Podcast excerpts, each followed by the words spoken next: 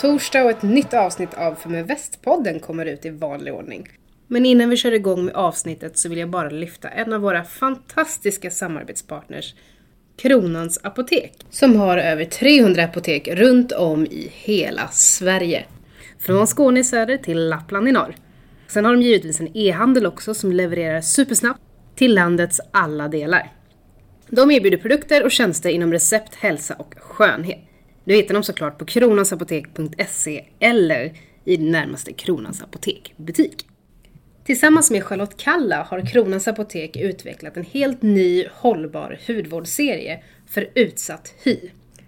Alla nya produkterna för ansikte, händer och fötter är helt veganska och närproducerade. Vi på Feminvest har fått pröva tre produkter och det är micellärvattnet, dagkrämen och fuktserumet med C-vitamin och hyaluronsyra. Och vi båda landade i samma favorit och det var såklart fuktserumet. Vilket är perfekt att ha under dagkrämen, speciellt nu under vintertid när huden är som torrast. Gå in på kronansapotek.se för att hitta din nya favorit. Tack Kronans Apotek! Nu till podden med Mikaela Berglund och Hanna Wennberg från Adaptio.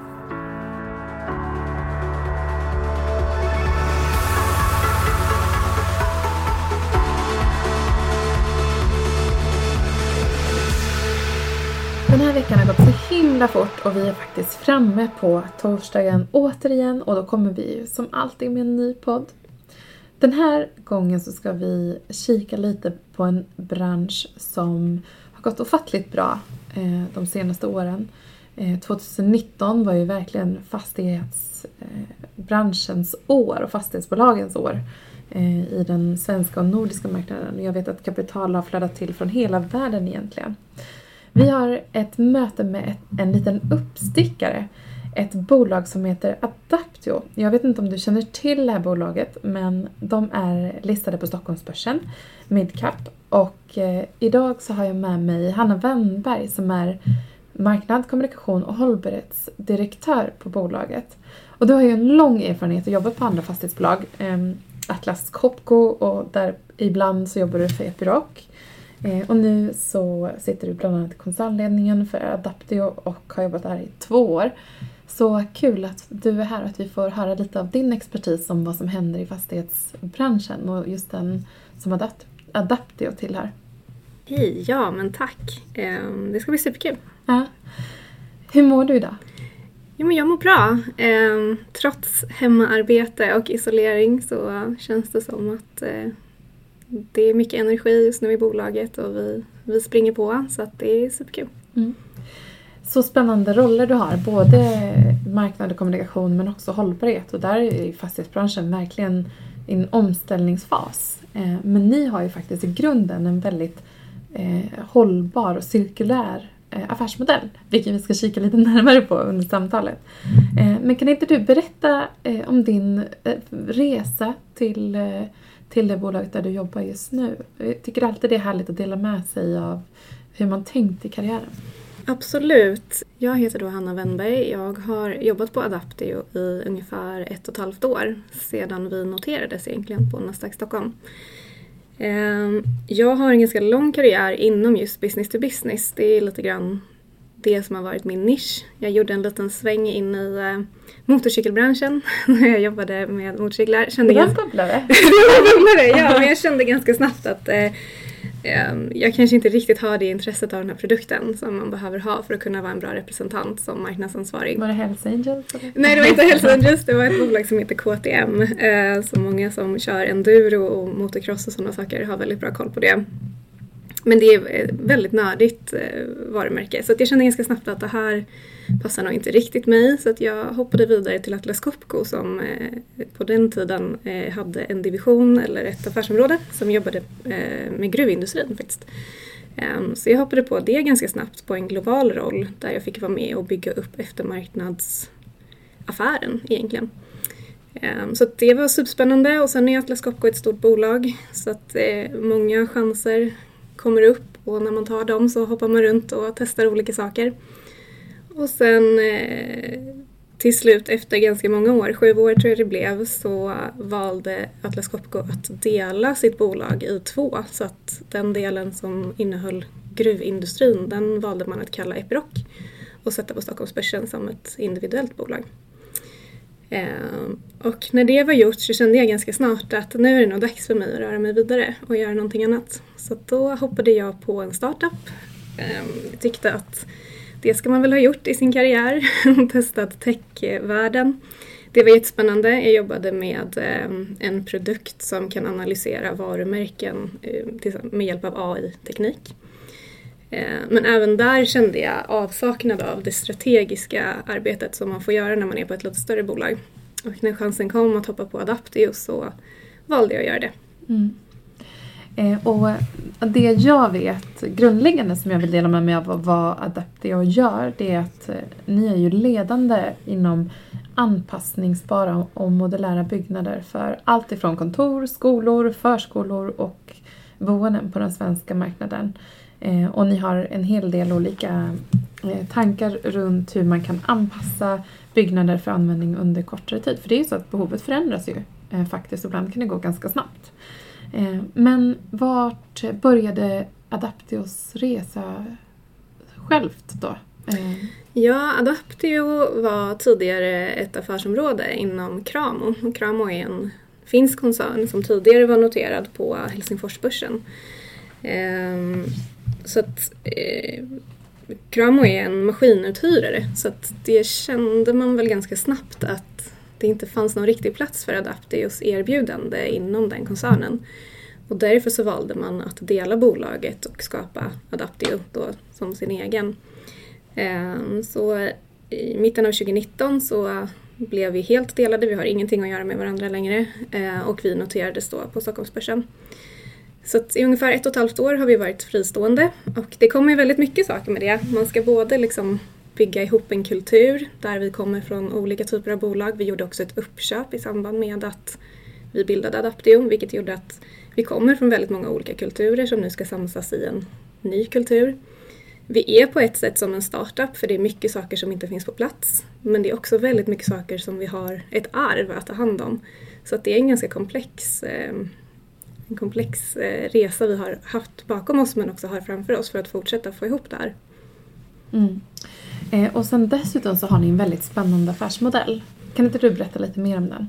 Mm. Adaptio har en jättespännande affärsmodell. Vi kallar oss ju för ett flexibelt fastighetsbolag. Eh, och våra byggnader de återanvänds igen och igen och igen. En kommun till exempel kanske har ett behov av att bygga en skola Eh, och det här behovet kan antingen vara på väldigt lång sikt men det kan också vara på kort sikt. Och är det på kort sikt då har vi ett erbjudande som handlar om att man kan hyra sin byggnad under den tiden när man behöver den. Och säg att den här kommunen har behov under fem år av en byggnad för ett antal klasser. Eh, efter fem år då tar vi tillbaka den byggnaden och restaurerar den och sen så flyttar den ut till en ny kund. Så att en, en byggnadsmodul som vi kallar det, de kan leva ungefär 30 år och vara hos fem olika kunder under sin resa. Mm. Ja, det är helt otroligt. Och hur lång tid tar det att bygga liksom, era, era byggnader? Ja, allting har ju att göra med vilka tillstånd man har och så när det gäller att etablera och bygga. Ehm, det som är positivt med den typen av byggnader som vi bygger det är att man kan till och med få ställa de här byggnaderna på vad som kallas för sträckad mark. Vilket gör att man får till och med ställa upp det på en fotbollsplan. Och har man ett sånt typ av bygglov och liksom från att man kommer till oss till att byggnaden är på plats så tar det ungefär sex veckor. Men vi har faktiskt ett exempel i Danmark där vi har byggt en 1500 kvadratmeter stor byggnad nu eh, för testning vid eh, coronatestning. Eh, och den byggde vi på tre veckor så att vi kan, vi kan utmana oss själva där och vara ännu snabbare. Ja, helt otroligt. Coolt. Eh, och det, du, det, här är ju verkligen en, en cirkulär affärsmodell. Eh, och eh, jag vet att ni också har fokus för att hållbarhetsarbetet för fastighetsbolag generellt det är också att titta på eh, resurseffektiviteten. Eh, hur tänker ni där? Och bidrar liksom till hållbara samhället eller vad man säger? Ja, Ehm, det är ju fastslaget att ungefär 36 procent av utsläppen i EU kommer från byggnader så det är en väldigt viktig fråga och framförallt en viktig fråga för oss eh, i och med det. Vi ser ju att den här typen av byggnader eh, resurseffektiviserar samhället för att man som kommun eller privat aktör behöver aldrig ha fler byggnader än vad man har behov av i stunden. Vilket gör att eh, man hamnar aldrig i ett läge där man till exempel har förbyggt sig med för många byggnader som står tomma och kostar pengar och drar mycket energi. Eller att man eh, helt enkelt står utan byggnader och liksom inte kan erbjuda sina elever eller sina anställda en dräglig tillvaro. Så att där känner vi att vi kommer in och täcker upp det behovet utifrån ett hållbarhetsperspektiv och det blir både utifrån samhällets perspektiv men också utifrån att säkra att resurserna som vi har används. Så att säga. Sen är det klart att vi jobbar med ganska mycket andra frågor när det kommer till energieffektivisering. Vi eh, tittar jättemycket på hur eh, vi kan minimera utsläppen från när våra kunder använder produkten eller byggnaden. Ehm, det kan vara allt ifrån att vi tittar på vilken typ av isolering vi använder i våra byggnader till att vi tar fram olika typer av innovativa lösningar för att minimera resursanvändandet. Mm. Eh, häftigt. När man pratar om så tillfälliga byggnader så kanske en del får lite så vibbar till någon form av så gröna baracker eller så. Mm, det brukar många få. Ah. Vi har en jätteutmaning med det. Hur skiljer ni er? Det känns viktigt att klargöra. Ja, men det är väldigt viktigt att klargöra. Um, det, framförallt skiljer det sig när man kliver in i den här typen av byggnader. Um, du skulle inte känna skillnad om vi gick in i en modulär byggnad för det är egentligen en byggteknik som skiljer sig. Sen är det klart att eh, vi har inte en, en cementerad grund utan vi ställer ju upp våra byggnader på andra typer av lösningar vilket gör att de är möjliga att flytta. Ehm, men kvalitetsmässigt så håller våra byggnader extremt god kvalitet och som sagt eh, inomhusklimatet till exempel kan till och med vara bättre än i en byggnad som vi tillhandahåller än en befintlig skolbyggnad som man kanske har på sin skolgård. Och det har ofta att göra med att väldigt många byggnader idag i Sverige är till exempel eftersatta när det kommer till underhåll för inomhusmiljöer och sånt. Ehm, så att det är en lite förutfattad mening som många har att våra byggnader skulle vara av sämre kvalitet. Men ehm, vi har ett väldigt nära samarbete också med våra kunder där i utformningen av hur byggnaderna ska se ut. Så att eh, vi tittar mycket på de delarna tillsammans. Mm. Om man då tittar på liksom, eh, de byggnader som ni har. Hur många byggnader är i bruk just nu? Ehm, just nu är ungefär, vi kallar det för projekt då när de är i bruk. Så vi har ungefär 1500 projekt i bruk på, i, på fem marknader. Så att vi finns ju i Sverige, Norge, Danmark, eh, Finland, Tyskland. Eh, så att ungefär 1500 projekt. Sen har vi en, en flotta av byggnader på ungefär, eller av byggnadsmoduler ska jag, ska jag säga, på ungefär en miljon kvadratmeter. Så att vi har en enorm portfölj som vi använder oss av. Mm. Eh, och du nämnde ju bland annat att ni använde, eh, hade satt upp på tre veckor en, en anläggning för att kunna testa covid-19-patienter i Danmark. Eh, om man tittar på liksom, vad, vilka typer av är det förskolor eller eh, vilka använder era byggnader mest idag och vart ser ni att, att efterfrågan ligger mm. mest framåt så att säga? Idag så vi är absolut mest exponerade mot eh, offentlig sektor och samhällsbyggnader då naturligtvis. Men eh, inom det så skulle jag säga skola, förskola. Eh, jag tror i Sverige så har vi liksom, vi är nog den aktör som har byggt flest skolor och förskolor eh, om man räknar in både vårt permanenta och tillfälliga erbjudande. Ehm, så att där är vi absolut störst. Men eh, vi ser ju naturligtvis en väldig potential i tillväxt på till exempel äldreboende. Ehm, det är ju ökande, en ökande utmaning för samhället att vi får fler äldre och vi vet inte riktigt hur vi ska kunna ta hand om dem över tid. Så att där ser vi att det finns en jättepotential att kunna hjälpa samhället att lösa de utmaningarna. Mm. Eh, du pratar också lite om att ni har väldigt olika flexibla lösningar och ett brett erbjudande med olika typer av byggnadstyper. Eh, hur funkar det? Kan du berätta lite mer? Mm. Så att vi har både ett, eh, vad vi kallar för eh, permanent erbjudande och det kanske handlar om vad man traditionellt skulle kalla för en byggnad. Eh, det som håller ihop hela portföljen hos oss det är ju att allting byggs modulärt och industriellt. Så det är det som är det unika i det vi gör. Men de byggnaderna de är precis som vilket hus som helst. Säg att du går till en eh, husbyggare eh, och du ska bygga en egen villa. Då bygger du på det sättet eh, många gånger om du inte går och gör arkitektritade villor. Men det är väldigt många som använder sig av sådana aktörer. Nyckelfärdiga hus brukar det kallas. Precis sådana skolor, förskolor och kontor gör vi också. Eh, och sen så har vi det erbjudandet som kanske är lite mer temporärt då. Och det, eh, där ger vi möjligheten att för kunden egentligen att bestämma sig för hur långsiktigt är ditt behov och är det så att du behöver byggnaden under en kortare tid då tycker vi och kalkylen att det är mycket mer eh, effektivt om man väljer den typen av byggnad. Mm. Så att två erbjudanden kan man säga att vi har i portföljen som har eh, en gemensam grund men lite olika karaktär i tidshorisont. Och sen säger vi också att vi erbjuder flexibla finansieringslösningar så att kunden kan ju själv välja om man vill hyra eller lisa eller äga sin byggnad. Det har liksom inte vi riktigt någon åsikt om utan eh, vad som passar för kunden är det som, som vi går på helt enkelt. Mm. Um, hur ser då samarbetet ut mellan er och, och beställaren? Mm. Du pratade om att kunden exempelvis var viktig för att liksom säkerställa att det var en attraktiv byggnad och så vidare. Absolut, Nej, men vi jobbar jättenära våra kunder. Sen eftersom vi jobbar mycket mot offentlig sektor så är det ju så att mycket blir på offentlig upphandling och där eh, lämnar man ju in ett anbud efter vad kunden har för behov.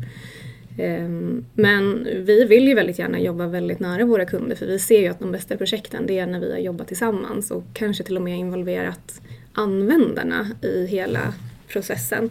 Vi har ett exempel där vi har jobbat tillsammans med en förskola och då har vi jobbat väldigt nära både den som är ansvarig för själva beslutsfattandet om att det här ska bli en förskola men också de som ska använda förskolan som liksom rektor och personal och så vidare. Och där kommer det upp ganska mycket saker som kanske den som sitter och tar besluten inte riktigt har tänkt på. Saker som är viktiga för den pedagogiska verksamheten till exempel. Att, kan du nämna något exempel? Ja, men det kunde, I det här fallet eh, så har vi till exempel att ja, men tänk på att vi använder mycket liksom, digitalt så att det måste finnas wifi överallt, det måste finnas smarta lösningar. Och det var en typisk sån grej som inte riktigt hade tänkts in av de som satt och tog beslutet på kommunen i det fallet. Mm.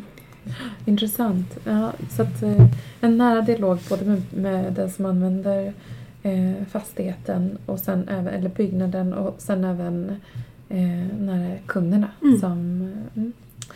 eh, men varför ska man då välja en anpassningsbar byggnad? Så samhället förändras ju väldigt snabbt idag och det händer mycket saker som man inte riktigt har räknat med. Det kan vara allt ifrån att en eh, kommun får en utmaning utifrån demografi. Man hade kanske inte räknat med en sån stor befolkningstillväxt under en så kort period och därför har man heller inte kunnat planera för att eh, Många barn som blev till under pandemin första månaden. Nej, men och då, eh, då är det svårt för kommunerna att faktiskt beräkna vilka behov man har och att bygga en traditionell byggnad det tar i alla fall en två, tre, fyra år med liksom planprocesserna och allt sånt. Eh, och har man ett behov om tre veckor då är det svårt att vänta tre år. Så att eh, utifrån det perspektivet så är det jätteviktigt att kunna ha den här anpassningsbarheten i sin byggnadsportfölj. Eh, Sen så tittar man på pandemin som vi är, är mitt i nu så har ju det ställt helt nya krav på samhället. Både liksom att kunna skala upp men också att kunna skala ner. Till exempel massa kontor som nu står tomma och kostar en massa pengar. Hade man haft lite mer anpassningsbarhet i de byggnaderna då hade man kanske kunnat skala ner ganska snabbt och kunna anpassa sin eh, byggnadsportfölj efter den verksamheten man har. Mm, just det. Men eh, den här pandemin då som har påverkat, alltså jag förstår ju både bara genom att jobba mot kommuner eh, och landsting men också som du säger efterfrågan på så snabba byggnationer som, som ni har fått vara med och bygga också. Hur har den här pandemin påverkat er? Den har ju påverkat oss som alla andra höll jag på att säga i form av oss som bolag. Vi har ju fått ställa om ganska mycket och jobba mycket hemifrån många på, i vår verksamhet som får göra det. Vi har ju också ett antal fabriker som vi måste hålla rullande men samtidigt säkra vår personals hälsa och säkerhet. Så det är naturligtvis utmanande. Sen så ser vi ju att våra kunder har ju en utmaning med att kunna fatta beslut för att det är så mycket osäkerhet just nu i samhället och man vet inte riktigt vad som kommer att hända. Eh, och det påverkar oss naturligtvis. Mm. Men sen som exemplet jag nämnde tidigare, eh, vi har ju verkligen fått vara med och bidra eh, till att hjälpa till i samhället eh, under den här pandemin. Till exempel i Danmark har vi ett exempel där vi har satt upp ett testcenter på 1500 kvadratmeter och det satte vi upp från förfrågan till att det var på plats under tre veckors tid. Så det var väldigt snabbt jobbat och då hade de naturligtvis ett väldigt brinnande behov att få det på plats. Mm. Ja, ni har ju onekligen ett samhällsengagemang. Eh, och jag skulle vilja liksom flika in det till, för jag vet att även att ni, för er så är hållbarhet väldigt viktigt och jag vet att även i Feminvest-nätverket så, så i de undersökningar som jag har gjort så ligger det typ topprioritet när det kommer till investeringar. Eh, så jag skulle vilja liksom nörda in lite på er hållbarhetsstrategi och hur den ser ut eh, för att förstå hur man, hur man jobbar med det eh, med fastigheter. Ja, eh, hållbarhet är väldigt viktigt för oss och vi har ju också ambitionen att bli branschens mest hållbara bolag. Så att eh, vi har väldigt höga ambitioner inom det här området. Vi lanserade precis vår hållbarhetsstrategi. Ehm, den innehåller tre olika pelare tillsammans med en, en grundläggande nivå. Där den första pelaren är klimatsmarta byggnader. Den andra är hållbara innovationer och den tredje är inkluderande samhällen. Och sen har vi naturligtvis en nivå i vår strategi som berör eh, business ethics eller eh, etiskt företagande. Då. Eh, men vi tycker det är väldigt viktigt att vår strategi berör olika delar. Både att vi tittar på hur vi producerar våra byggnader och säkrar att vi är resurseffektiva i den processen. Men också att vi hittar nya lösningar på hur vi kan lösa de problemen eller utmaningarna som vi står inför när det kommer till klimatpåverkan och sådana saker. Så att därför tycker vi också det är viktigt att blicka framåt i form av den pelaren som vi kallar då för hållbara innovationer. Där tittar vi ganska mycket på hur vi kan ytterligare sluta cirkeln i vår cirkulära affärsmodell. Till exempel genom att använda, återanvända material eh, som vi har använt på tidigare byggnader till exempel. Ehm, och sen så har vi också den pelaren som handlar om inkluderande samhällen och där tittar vi både in i bolaget på frågor som jämställdhet och ehm, diversity. Men sen eh, tittar vi också ut i samhället där vi, där vi vill vara en ta ett större ansvar i lokalsamhället och jobba närmre. Antingen kan det vara NGOs eller så kan det vara att vi jobbar nära kommuner med att hitta lösningar på de samhällsproblemen som finns. Mm. Eh, vad bygger man era modulära hus i? Man bygger våra modulära hus i främst trä. Så att vi är väldigt stolta över det, att vi bygger våra byggnader i trä. Det är ett mycket mer klimatsmart alternativ än att bygga till exempel i cement som har en otroligt energikrävande process för att överhuvudtaget eh, produceras. Jag läste faktiskt på er hemsida att man enligt en studie, eh, du kan säkert hänvisa till den, så var eh, lokaler i betong exempelvis 35-40% eh, mer energikrävande i koldioxidutsläpp. Mm. Och så är det och det är det som är så fantastiskt med naturmaterial och tidigare har det nog funnits en, i fastighetsbranschen så har det funnits en liten motsträvighet i att använda trä som byggnadsmaterial för att man har haft en uppfattning om att det till exempel skulle vara mindre säkert att bygga i. Eh, det har man ju tillbakavisat idag ehm, och till och med lägenhetsbyggnader idag byggs ju i trä för att man ser att det finns så himla mycket goda egenskaper i det materialet. Ehm, vi har dessutom framförallt i Sverige en, en väldigt stor tillförsel på materialet. Vi har mycket skog och mark och för varje tror jag, träd som tas ner så planterar man två nya. Vilket gör att vi säkrar hela tiden att vi har material att tillgå. Mm, fint. Um, hur ser ni på framtiden? Vad kommer härnäst? Kommer man att se att er affärsmodell revideras ytterligare? Eller är det det som är det nya svarta, så att säga? Så vi vill ju gärna tro det. Vi tror ju att delningsekonomin är här för att stanna. Det ser vi i väldigt många andra branscher. Och det finns ett behov för bygg och fastighetsbranschen att verkligen modernisera sig. Ehm, man har haft en ganska ineffektiv eh, bransch under ganska lång tid och där ser ju vi att eh, vi fyller ett hål som har funnits tidigare. Ehm, vi tror jättemycket på just det här cirkulära i affärsmodellen, att säkra att våra kunder aldrig har mer yta än vad de behöver utan att de har en möjlighet att optimera sin byggnadsportfölj efter de behoven de har. Och det är väldigt eh, effektivt också utifrån ett budgetperspektiv och skattebetalarnas pengar. Eh, för att det är faktiskt så att det finns ganska mycket byggnader där ute som inte används, som står tomma. Och de kunde man ju då ha haft som anpassningsbara istället och så kan man tänka så framåt. Mm. Ja, och det är ju en sån stor eh, dialog nu runt hur den här pandemin kommer att påverka oss framåt. Eh, I liksom med kontorslokaler, kommer jag arbeta mer hemifrån, coworking spaces och så vidare. Så det är ju, oavsett vad så känns det som att flexibilitet är ett nyckelord framåt. Verkligen, det är det många letar efter. Jag tror till exempel på att eh, det liksom centrala kontoret där hela bolaget eh, samlas, det kanske inte kommer finnas kvar på samma sätt längre utan man kanske har olika typer av kontorshotell som ställs upp i olika stadsdelar. Eh, bor man i Nacka kanske man åker till sitt kontorshotell i Nacka och kanske till och med har en abonnemangstjänst där man liksom checkar in på något av de här olika kontorshotellen. Och det tror jag är jättevärdeskapande för samhället i stort för jag tror att det handlar väldigt mycket om att minska restider och kunna kanske ha mer tid med familjen och sådana saker. Så jag tror att det är utifrån det perspektivet tror jag att det är positivt det vi har varit med om nu, att vi får lite andra perspektiv. Mm. Eh, ni eh, gjorde ju vid noteringen ett förvärv och eh, har även gjort ytterligare ett förvärv eh, i höst. Och jag uppdagade det faktiskt i och med att jag skrev en lite kort text om en hel del olika fastighetsbolag på Feminvest. Och så, där jag bland annat nämnde er och då så kom det upp i samband med det. Så det var en, egentligen en ren tillfällighet. För det kan ju ibland vara svårt att följa mm. liksom, nyhetsflödet. Berätta hur ni tänker runt tillväxt och expansion. Vi har en väldigt tydlig tillväxtstrategi och vi ser ju att vi vill växa både genom förvärv men också organiskt. Ehm, nu eh, har vi en väldigt eh, stor koncentration till den nordiska marknaden så vi ser att vi vill eh, fokusera om det lite grann och ser en väldig potential i att växa i Europa. Så där fokuserar vi ganska mycket nu. Ehm, som du säger så har vi precis förvärvat ett bolag. Det är ett bolag som heter Dutch Cabin Group, ett holländskt bolag. De eh, har egentligen samma affärsmodell och samma samma typer av erbjudande som vi har men de finns på den holländska marknaden och på den tyska marknaden. Då. Ehm, så att, eh, jag tror att det är ett väldigt bra förvärv för oss att kunna fortsätta vår eh, tillväxtresa i Centraleuropa. Mm.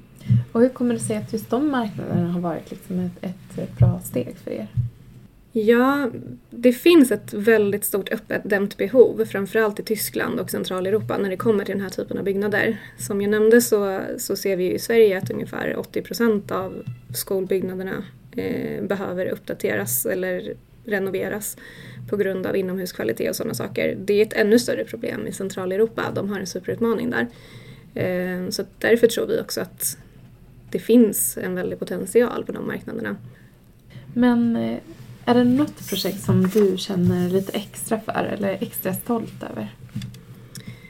Ja, det är väldigt många projekt som jag är stolt över men jag tycker framförallt i de, eh, i de projekten där vi har haft möjlighet att förbättra inomhusmiljön för elever till exempel för att de ska få en, en bättre eh, lokal att vara i för att pedagogiken ska fungera. Eh, för att de ska ha inomhusluft som är bra och att man inte ska liksom få ont i huvudet och må dåligt under dagen för att man inte har tillräckligt bra luft i de lokalerna man vistas. Eh, sen såklart allting vi har gjort under pandemin där vi har hjälpt eh, väldigt många och stora delar av samhället med den typen av byggnader. Alltifrån liksom vårdenheter till eh, testcenter och liknande. Mm. Det är klart att det är vi väldigt stolta över. Mm. Och sen så vet jag också att ni fortsätter att rekrytera. För jag förstår ju i en sån här expansionsfas när man ska ner på kontinenten eh, och så vidare att man behöver rätt eh, kompetens också. Jag vet att ni rekryterar eh, hela tiden och gick ganska nyligt ut med en, en rekrytering i Tommy Arvinell. Mm. Ja, han kommer in som en eh, kommersiell chef kan man säga. Eh, mycket fokus på att eh, just de här frågorna med tillväxt och eh, organisk tillväxt framförallt. Eh, och för att säkra att vårt erbjudande är optimerat mot marknaden. Så det ska bli jättespännande att se vad han eh, kan, kan göra eh, och vad vi kan göra tillsammans. För jag tror att det finns väldigt mycket. Mm. så Tusen tack för att du var med och delade lite om eh, er resa. Ni har inte varit noterade superlänge. Jättespännande bakgrund. Eh, från det finska bolaget och sen också spännande att följa med er ut på kontinenten. Och för dig som vill läsa på lite mer om och leta upp bolaget eh, där du investerar så hittar du det under förkortningen ADAPT eller Adaptio då, som bolaget såklart heter. Tack så jättemycket för att du var här idag och eh, ser fram emot att följa både ert hållbarhetsarbete eh, som first in class ambition eh, och även er expansion ut på kontinenten. Ja, tusen tack.